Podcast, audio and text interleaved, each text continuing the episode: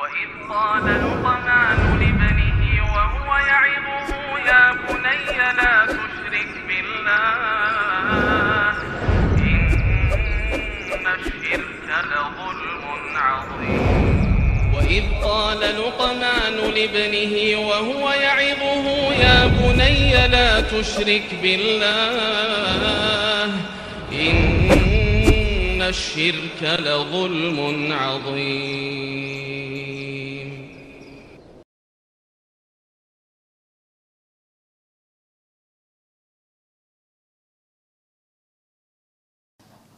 السلام عليكم ورحمة الله وبركاته. إن الحمد لله نحمده ونستعينه ونستغفره ونعوذ بالله من شرور أنفسنا وسيئات أعمالنا. من يهده الله فهو المهتد ومن يضلل فلن تجد له وليا مرشدا. أشهد أن لا إله إلا الله وحده لا شريك له وأشهد أن محمدا عبده ورسوله الذي لا نبي بعده. وقال الله سبحانه وتعالى يا أيها الذين آمنوا اتقوا الله حق تقاته ولا تموتن إلا وأنتم مسلمون وقال عز من قال يا أيها الذين آمنوا اتقوا الله وقولوا قولا سديدا يصلح لكم أعمالكم ويغفر لكم ذنوبكم ومن يطع الله ورسوله فقد فاز فوزا عظيما. يا أيها الناس اتقوا ربكم الذي خلقكم من نفس واحدة وخلق منها زوجها وبث منهما رجالا كثيرا ونساء واتقوا الله الذي تساءلون به والأرحام إن الله كان عليكم رقيبا. أما بعد إن أصدق الحديث كتاب الله وخير الهدي هدي محمد صلى الله عليه وسلم وشر الأمور محدثاتها. wa kulla muhdathatin bid'ah wa kulla bid'atin dolalah wa kulla dolalatin finnar. Selanjutnya Selanjutnya ikhwah ya Allah wa iyakum Bagaimana kalau seandainya yang menyusui ini adalah wanita yang perawan? Di sini di sini apa namanya? Ada pertanyaannya seperti itu. Walaupun memang agak jarang ya. Jarang kata jadi. Idza thaba imra'atun li imra'atin labanun min ghairi wata'in fa ardat bihi tiflan hal yunsidu al hurmah apabila seorang wanita dia punya air susu padahal dia belum menikah. Apakah air susu ini bisa menyebabkan status si bayi dari non mahram menjadi mahram? Jawabannya ikhwah kembali kepada hadis, ya.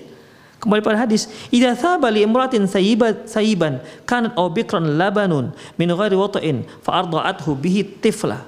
Nashada al-hurmah fi adhhari riwayataini an Ahmad wa huwa qaul Syafi'i wa Malik wa huwa madhhabu Thawr wa Abi Thawr wa ashabur ra'yi wa kullu man yahfaz anhu Ibnul Munzir di qauli ta'ala ummahatukum allati arda'nakum. Apabila muncul air susu dari seorang wanita janda yang nggak bersuami ataupun seorang wanita yang masih perawan. Artinya uh, itu yang tak punya suami lah kita katakan.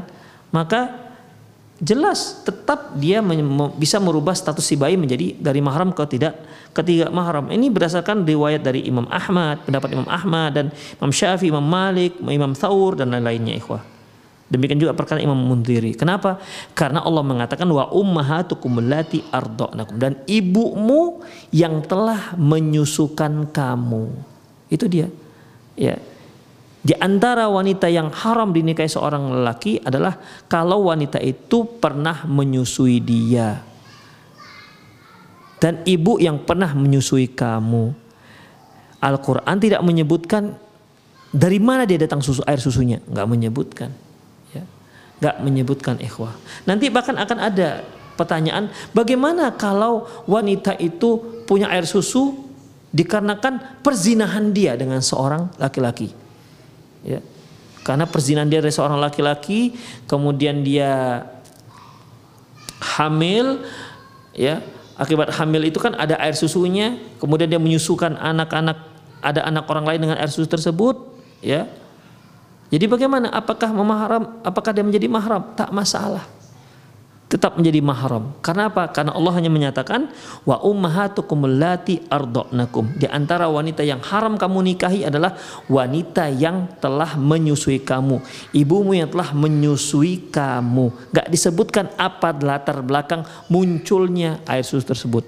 Jadi kalau ada seorang perawan, mungkin dikarenakan dia minum obat apalah sehingga apa namanya hormon payudaranya memproduksi air susu kemudian dia menyusu punya air susu kemudian disusukan seorang bayi tetap ya. Dia si bayi tersebut berubah menjadi mahram si si wanita yang menyusui tersebut. Demikian ikhwah. Dan ini juga eh, yang dikatakan oleh Ibnu Qudama demikian juga fatwa eh, ya dari Ibnu Qudama rahimahullah taala. Demikian ikhwah rahimani Allahu wa iyyakum